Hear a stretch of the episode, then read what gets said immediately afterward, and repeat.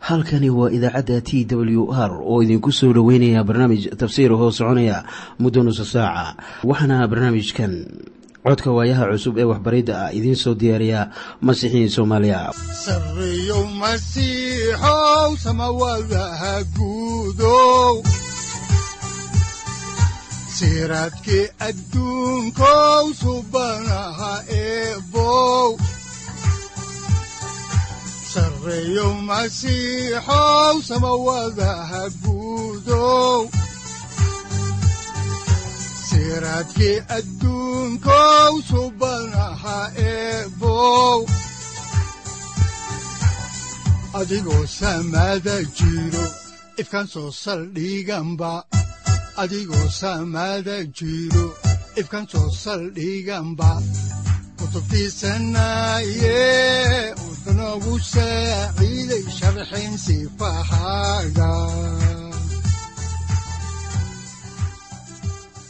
ku soo dhowaada dhegaystayaal barnaamijkeenna dhammaantiinba waxaan horay u sii ambaqaadi doonnaa daraasaadkii la magac baxay baibalka dhammaantii. Waxaannu idiin sii wadi doonnaa caawa kitaabka xaakinnada oo qayb ka ah kutubta ahdigii hore. Waxaannu markaasi idiin bilaabi doonnaa cutubka toddoba iyo tobanaad waxaanan idin wada dul mari doonnaa ilaa iyo kan kow iyo labaatanaad oo ah cutubka ugu dambeeya ee kitaabka xaakinnada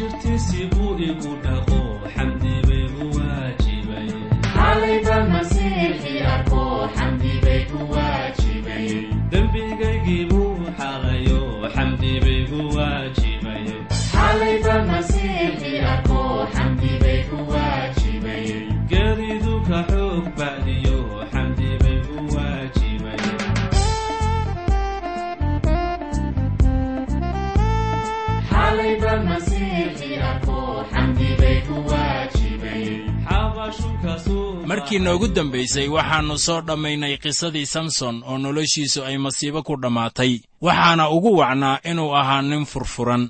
Wuxuuna gabar ka guursaday cadowgiisii waxaana taasu noloshiisa ay dhaxal siisay masiibo iyo ayaandarro aan la soo koobi karaynin. Hase yeeshee caawa waxaannu idiin bilaabaynaa cutubka toddoba iyo tobanaad oo mawduuciisu uu yahay dhallanrog lagu sameeyey qawaaniintii caabudista macbudka maaddada ugu horraysa ee aynu eegaynana waxa weeye jahawareer ka dhacay dhulka reer banu israa'iil. Markaan eegno cutubka toddoba iyo tobanaad ilaa kan kow iyo labaatanaad ayaannu arkaynaa falsafad taariikheed laynoogu sheegay bilowga kitaabkan. Waxaannu idinku soo sharaxnay maaddadaasi bilowga kitaabka xaakinnada. Waxaana ay ahayd reer banu israa'iil oo marna ilaah ka tegaya marna u soo noqonaya. Waxaanay ku bilaabanaysaa taariikhdaasi dheer reer banu israa'iil oo jooga ama deggan dhulkii barakada. Waxay markaasi u adeegayaan ilaah. Markaasay ilaah ka tegayaan oo waxay samaysanayaan wax shar ku ah ilaah hortiisa. Waxayna raacayaan jidadkooda. Dabeetana addoonnimo ayaa loo iibiyaa. Markii ay addoonnimo galaan ayay bilaabayaan inay ilaah u cawdaan oo ay furasho weyddiistaan. Markaasaa ilaah ay u soo noqdaan oo ay toobad keenaan dabeetana ilaah wuxuu ka soo dhex bixiyaa iyaga nin badbaadiya. Dabeetana reer banu israa'iil waxaa dib ugu soo noqota barakadii waxayna noqotaa qaran ilaah u adeega. Haddaba mar kasta ee ay xaajadu u muuqato sida in wax waliba ay hagaag ugu socdaan ayay dembi ku dhacaan misna oo ilaah ay ka soo leexdaan mar kale haddaba toddoba goor ayay reer banu israa'iil kaafirnimo iyo dembi ku dhaceen sida ku qoran kitaabka xaakinnada waxaana taasu ay noqonaysaa falsafadda ka dambaysa taariikh waliba ee aadmigu uu leeyahay. Qaran walibana wuu la kulmayaa waxyaabahan oo kale. Marka hore kow waxaa dhacaya in laga baadiyoobo diinta. Labo waxaa ku xigaya damiir xumo. Saddex waxaana ugu dambaynaya jahawareer siyaasadeed ama sida ay soomaaliya ahayd sannadadii ka dambeeyey xukunkii siyaad barre ilaa iyo maanta. Haddaba xumaantu waxay ka bilaabanaysaa macbudka waxayna u soo gudbaysaa guriga. Waxaanay ku dambaynaysaa xukuumadda oo xukunku uu faraheeda ka baxo. Waa sidan habka qaran waliba uu dhulka ugu soo dhaco. Haatan wakhtigan kaafirnimadu waxay ka bilaabanaysaa qabiilka reer dan oo doonaya inay ballaariyaan xuduudahooda waxaanay taasu noqonaysaa inay haddana reer banu israa'iil oo dhammu dib ugu noqdaan asnaam caabud. Waxaanay ka soo bilaabanaysaa gurigii miikaah iyo hooyadiis oo qarribtay wiilkeedan la yidhaahdo miikaah. Wadaadka uu kiraystay miikaah si uu asnaamtiisa u eego ayaa kula talinaya inuu horay u sii ambaqaado qorshahan ku dhisan nafjeclaysiga. Waxaana halkaasi ka muuqanaya hadallada macaan ee ay ku hadlaan wadaaddada la kiraysto waxaannu iminkana eegaynaa maaddada labaad ee cutubkan oo ah asnaam caabudkii reer efraayim. Si bal aynu arrinkaasi wax kaga ogaanno ayaa loo baahan yahay inaan eegno kitaabka xaakinnada. Baalka saddex boqol kow iyo soddon ee cahdigii hore cutubka toddoba iyo tobanaad aayadaha kow ilaa labo. Waxaana qoran sida tan oo waxaa jiray nin degganaa dalka buuraha leh oo reer efraayim. Magaciisana waxaa la odhan jiray miikaah oo isna wuxuu hooyadiis ku yidhi kun iyo boqolkii xabbadood oo lacagta ahaa ee lagaa qaaday ee aad ku habaartamaysay ee aad igu dhega hadlaysay lacagtii anigaa haya oo anaa qaaday. Markaasay hooyadiis tidhi wiilkaygiyow rabbiga ha ku barakadeeyo. Miikaah haddaba wuxuu ahaa wiil jacaylka hooyanimada ku qarribmay oo ciyaalmaamo ah wuxuu garanayey in hooyadiis ay kaydinaysay lacag. Markaasuu lacagtii ka xaday markii ay lacagtii weysay hooyadii ayay bilowday inay habaartanto. Markii uu maqlay habaarka ayuu hooyadiis u qirtay inuu isagu ka xaday lacagta. Isla markiiba hooyadii intii ay u cadhoon lahayd ayay bilowday inay u ducayso oo waxay tidhi wiilkaygiyow rabbiga ha ku barakadeeyo. Haddaan horay idinku sii wado xigashada oo aan eego iminka aayadda saddexaad waxaa qoran sida tan oo kun iyo boqolkii xabbadood oo lacagta ahaa ayuu u soo celiyey hooyadiis. Markaasay hooyadiis tidhi sida runta ah waxaan lacagta u soocay rabbiga oo gacantaydan ka bixiyey wiilkayga aawadiis in laga sameeyo sanam xardhan iyo sanam la shubay. Taas aawadeed adigaan kuu soo celin doonaa markii miikaah lacagtii uu u soo celiyey hooyadiis ayay waxay ku tidhi wiilkaygiyow lacagta waxaan u soocay ilaah si aan sanam xardhan iyo mid la shubay uga sameeyo. Haddaba soo arki maysid waxay dadkanu galeen asnaam caabud aan qiyaas lahayn. Markaasay dib u soo noqotay oo ay isaga siisay. Waxaad garanaysaa inay jiraan maanta dad badan oo la mid ah miikaah hooyadiis. Waxay leeyihiin lacagtan waxaan u soocnay ilaah waxayna lacagtii ku samaynayaan waxyaabo ku xun ilaah hortii. Sida iyagoo dad laynaya. Dad fara badan ayaa waxay bixiyaan sadaqo oo waxay leeyihiin waxaannu siinaynaa rabbiga. Waxaase lacagtii lagu qarashgaraynayaa waxyaabo aannu ilaah raalli ka noqonaynin. Mararka qaarkoodna mid ka tirsan wadaaddadii aruurinayey ayaa isticmaalaya oo nafsaddiisa ugu raaxaynaya haddaan horay idinku sii wadno xigashada oo aan eegno cutubka toddoba iyo tobanaad aayadaha shan ilaa lix waxaa qoran sida tan. Oo ninkii miikaah ahaana wuxuu lahaa guri ilaahyood oo wuxuu sameeyey eefood iyo terafiim oo wuxuuna quduus ka dhigay wiilashiisii midkood oo isna wuxuu u noqday wadaadkiisii. Waagaasna reer banu israa'iil boqor ma ay lahayn oo nin walubana wuxuu samayn jiray wixii isaga la quman waxaa halkan laynoogu sheegayaa in miikaah uu helay guri ay asnaam ka buuxaan oo uu ku macneeyey ilaahyo. Waxaana waxa naxaasta laga sameeyey keenay hooyadiis. Miikaahna guri buu u sameeyey wuxuu kaloo sameeyey eefood iyo terafiim si uu u dhammeeyo sharaxaadda gurigan asnaamtu ay ka buuxdo. Dabeetana wadaad buu quduus uga dhigay si uu uga dhex adeego. Waxaanay iminka soo gaareen heerka ah in nin waliba uu sameeyey wixii indhihiisa hortiisa ku qumanaa haddaan horay idinku sii wadno xigashada kitaabka oo aan eegno cutubka toddoba iyo tobanaad aayadaha toddoba ilaa toban waxaa qoran sida tan oo waxaa jiray nin dhallinyaro ahaa oo ka soo baxay beytlaxam yuhuudah oo reer yuhuudah ahaa oo qoladiisu ay ahayd reer laawi oo halkaasuu degganaan jiray. Markaasuu ninkii ka baxay magaaladii ahayd beytlaxam yuhuudah inuu dego meel uu heli karo oo intuu socday ayuu yimid gurigii miikaah oo ku yiilay dalkii buuraha lahaa oo reer efraayim. Markaasuu miikaah ku yidhi isagii xaggee baad ka timid isna wuxuu yidhi anigu waxaan ahay reer laawi oo beytlaxam yuhuudah ayaan ka imid oo waxaan u socdaa inaan dego meel aan heli karo. Markaasuu miikaah ku yidhi isagii aniga ila joog oo ii noqo aabbe iyo wadaad anna sannadkiiba waxaan ku siinayaa toban xabbadood oo lacag ah iyo isku joog dhar ah iyo cuntadaada. Sidaas daraaddeed kii reer laawi guduhu galay. Waxaa suuragal ah in miikaah ay ku dhib badnaatay inuu wiilkiisa wadaad ka dhigo. Markaasuu helay nin dhallinyaro ah oo shaqola'aan ah. Markaasuu isagii ka dhigay wadaad oo lacag ayuu ku kiraystay ninka reer laawi ee ka yimid beytlaxamti yuhuudah wuxuu noqday wadaadka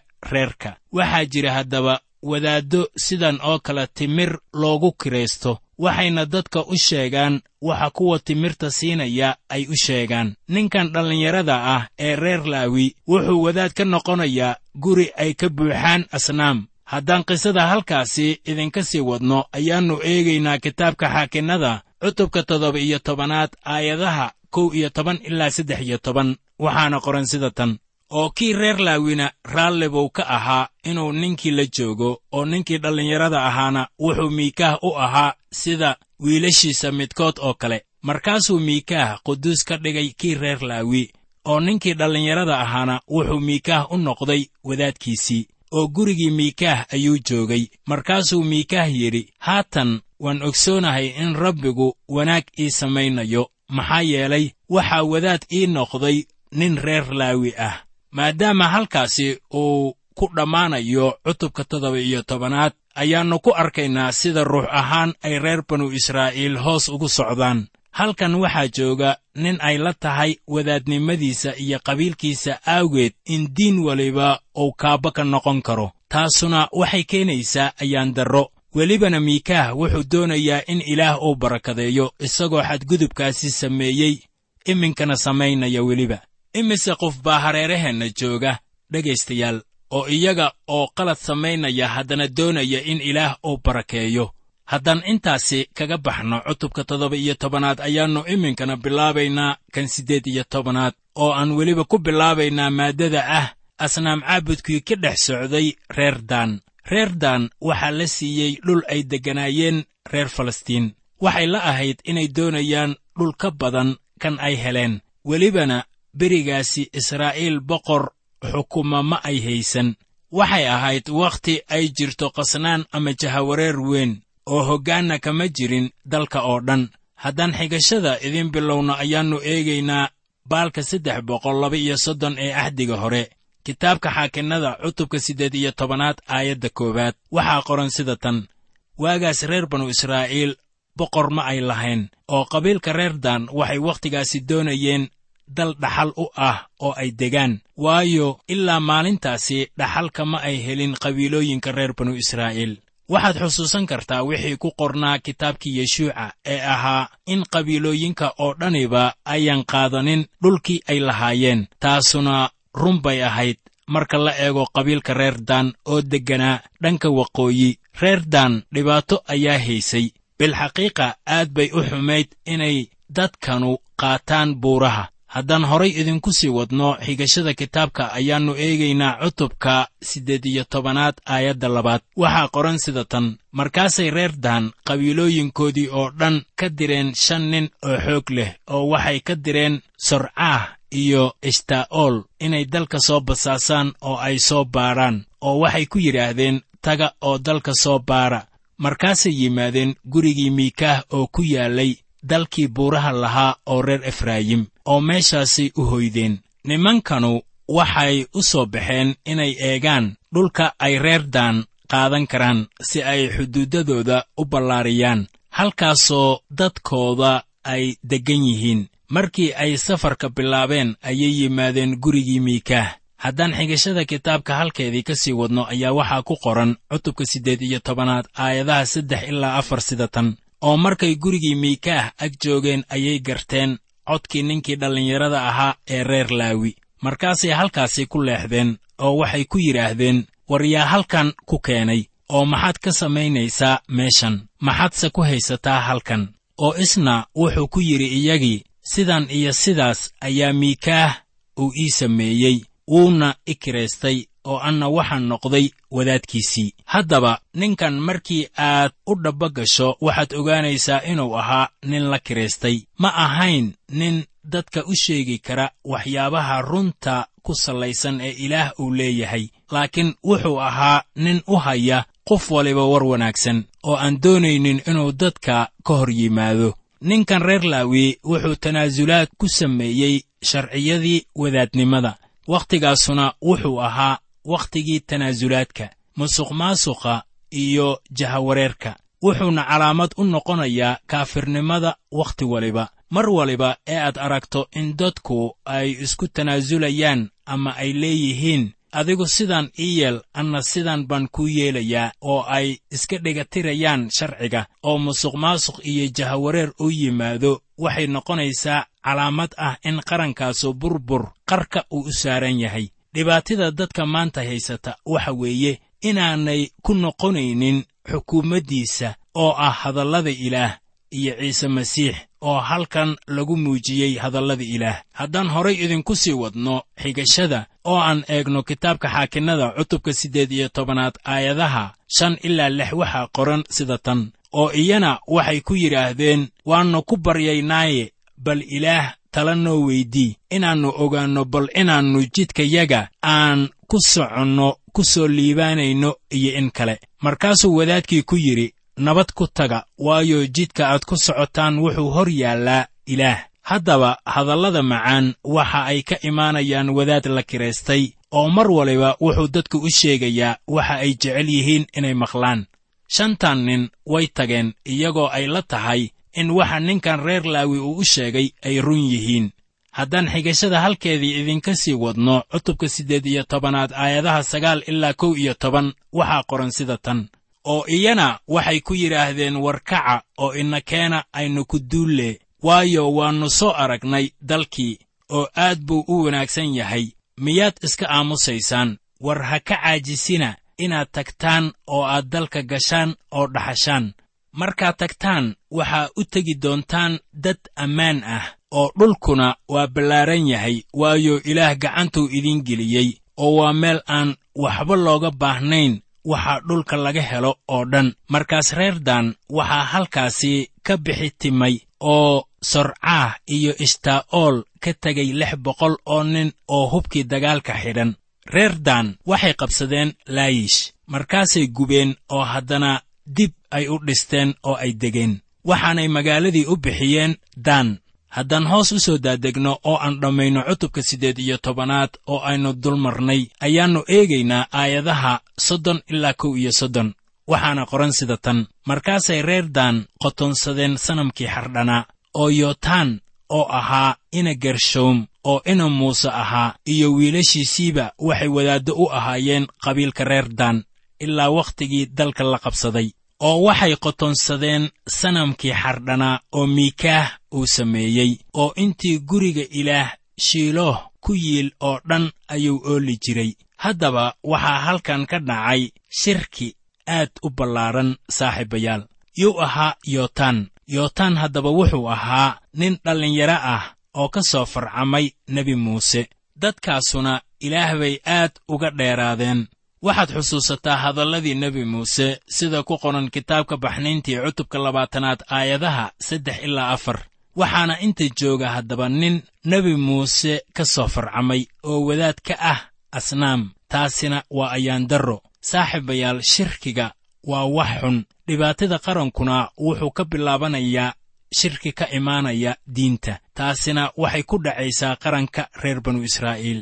Waxaan halkan ku arkaynaa wiilkii muuse ka soo farcamay oo ka dhex adeegaya asnaamtii miikaah. Haddaan intaasi kaga baxno ayaannu kaga gudbaynaa cutubka sagaal iyo tobanaad oo aynu soo koobayno. Waxaana mawduuca cutubkaasu uu ka hadlayaa damiirxumadii ka jirtay hoygooda. Sidaan cutubkii siddeed iyo tobanaad ku aragnay dadkii reer banu israa'iil waxay sameeyeen shirki xagga caabudista ah. Waxaana iminka la soo gaaray heerkii labaad oo noqonaya damiir xumo waxaana heerkan labaad ee fawaaxishada ah looga hadlayaa ka bilaabata cutubka sagaal iyo tobanaad ilaa kan kow iyo labaatanaad. Waxaa fawaaxishada ay ka soo bilaabanaysaa reer benyamiin oo qabiilkan waxay sameeyeen fawaaxisho keentay in dagaal sokeeye uu bilaabmo. Wuxuu dagaalka ka bilaabanayaa naag reer laawi ay qabaan oo la dilay. Qabiiladii kalena way isku habar wacdeen oo waxay doonayeen inay dhulka ka baabi'iyaan reer benyamiin wakhtigan wuxuu ku soo dhammaaday damiir xumo jahawareer iyo musuq maasuq waxaana kitaabka uu ku soo xirmayaa hadalladan odhanaya waagaasna reer banu israa'iil boqor ma ay lahayn oo nin walubana wuxuu samayn jiray wixii isaga la quman. Waxaanse ku bilaabaynaa cutubkan sagaal iyo tobanaad xigashadiisa aayadaha kow ilaa labo. Waxaana qoran sida tan oo waagaas markii aanay reer banu israa'iil boqor lahayn waxaa jiray nin reer laawi ah oo degganaa dhanka shishe oo dalka buuraha leh oo reer efraayim oo kaasuna addoon buu ka guursaday beytlaxam yuhuuddah markaasay naagtiisii addoonta ahayd ka dhilowday oo intay isagii ka tagtay ayay aadday gurigii aabbaheed oo ku yiilay beytlaxam yuhuuddah oo halkaasay joogtay intii afar bilood ah. Taasuna waxay muujinaysaa sida nolosha reer banu israa'iil ay u hallowday waxaana taas la mid ah qisada naxdinta leh ee ku qoran warqaddii rasuul bawlos uu u qoray dadka reer rooma cutubyada kow ilaa saddex.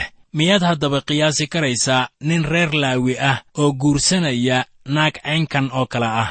Markaasay ka dhilowday oo waxay ku soo noqotay gurigii aabbaheed. Waxaa dhacday in markii uu naagtiisii ka soo waday gurigii aabbaheed ay yimaadeen magaalo oo raggii halkaasi joogay ayaa waxay doonayeen wax ay qaniisaan laakiin wuxuu ku yidhi naagtan qaata oo iyada u taga markaasay habeenkii oo dhan haysteen waanay dhimatay naagtii. Haddaba waxyaabaha caynkan oo kale ah waa suuragal inay waddankayaga ka dhacaan. Haddaan intaasi ku soo koobno cutubkii sagaal iyo tobanaad ayaannu iminkana idiin dulmaraynaa kan labaatanaad ilaa kow iyo labaatanaad oo isku hal cashar oo kooban ah waxaana mawduucu uu noqonayaa jahawareer siyaasadeed. Haddaba markii dadkii kale ee reer banu israa'iil ay maqleen waxa ay reer benyamiin sameeyeen ayay goosteen inay laayaan oo meel waliba ayay isaga soo baxeen. Haddaan iminka soo xiganno kitaabka ayaannu eegaynaa cutubka labaatanaad aayadaha kow ilaa labo ee baalka saddex boqol afar iyo soddon ee ahdigii hore waxaana qoran sida tan. Markaasay reer banu israa'iil oo dhammu soo wada baxeen oo shirkiina wuxuu u soo ururay sidii nin qura oo waxay ka soo shireen tan iyo daan iyo xataa bi'irshabec iyo weliba dalka reer gilicaad oo waxay rabbiga ugu soo shireen misfaah. Markaasaa dadka madaxdiisii oo dhan oo ka socda qabiilooyinka reer banu israa'iil oo dhan ayaa isa soo dhex taagay dadka ilaah shirkiisii kuwaasoo ahaa afar boqol oo kun oo nin oo lug ah oo wada seefqaad ah. Sida abbaarta ah qabiilka reer benyamiin waxay lahaayeen ciidamo xoog leh waxaana laga qoray ciidamada reer benyamiin hadalladan ku qoran aayadda lix iyo tobanaad ee cutubka labaatanaad.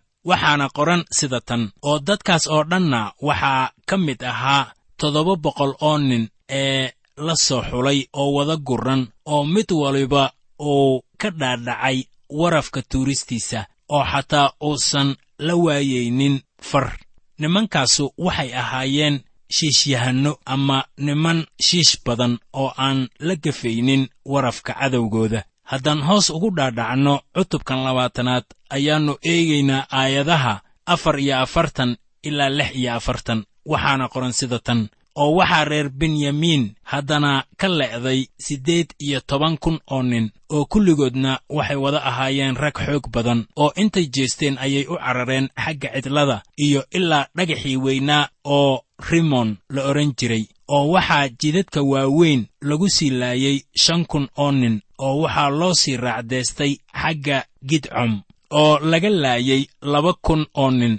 Sidaas daraaddeed maalintaasi wixii reer benyamin ka le'day kulligood waxay ahaayeen shan iyo labaatan kun oo nin oo seefqaad ah oo kulligoodna waxay wada ahaayeen rag xoog badan. Haddaba dhibku wuxuu ka imaanayaa in reer benyamin oo dhan ay ku dhow yihiin inay baaba'aan. Waxaana jiray qabiilo ku dhaartay inaanay gabdhahooda u guurin reer benyamiin haddaba su'aashu waxay noqonaysaa sidee baa reer benyamiin ay ku sii tarmi karaan. Waxaa kaloo jiray nidar kale oo reer banu israa'iil ay qaadeen. Waxay yidhaahdeen cid waliba ee ka harta dagaalka oo imaan weysa misfaah in la dili doono waxay markaasi arkeen in raggii degganaa yaabeesh gilicaad ayaan codsigaasi dhegaysan ama ay diideen inay u hoggaansamaan waxaana laysku raacay in la laayo ragga deggan deegaankaas oo naagahoodana loo guuriyo inta ka soo hartay reer benyamiin sidii baana la yeelay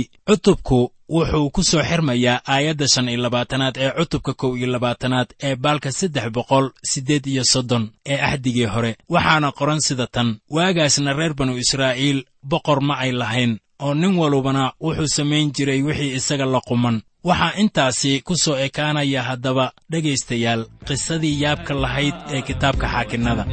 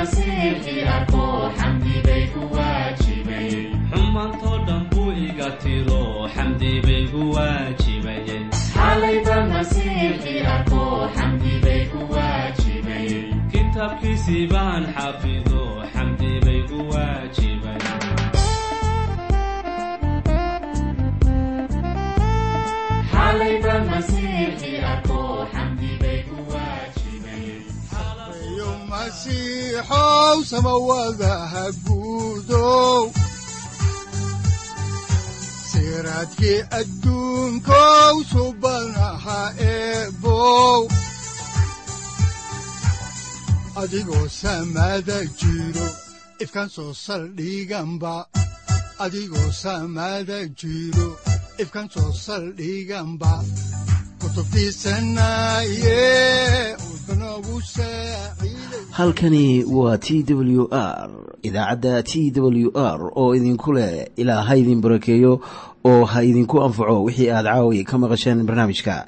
Waxaa barnaamijkan oo kalea aad ka maqli doontaan habeen dambe hadahan oo kale haddiise aad doonaysaan in aad fikirkiina ka dhiibataan wixii aad caawi maqasheen ayaad nagala soo xiriiri kartaan som t w r at t w r c o k e haddii aad doonaysaan in aad dejiisataan oo kaydsataan barnaamijka ama aad mar kale dhegaysataan fadlan mar kale booqo www t w r o r g amase www t t b t w r o r g amase waxaad teleefoonkaaga ku kaydsataa ama ku download garaysataa agabyada ku sahli karaa dhegeysiga t w r haddii aad doonayso in laga kaalmeeyo dhinacyada fahamka kitaabka amase aad u baahan tahay duco fadlan fariimahaaga soo mari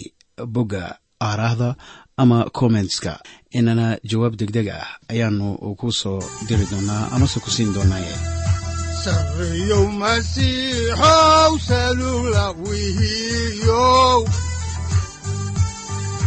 saacadda timid dhulka sabada ku dhalatiyo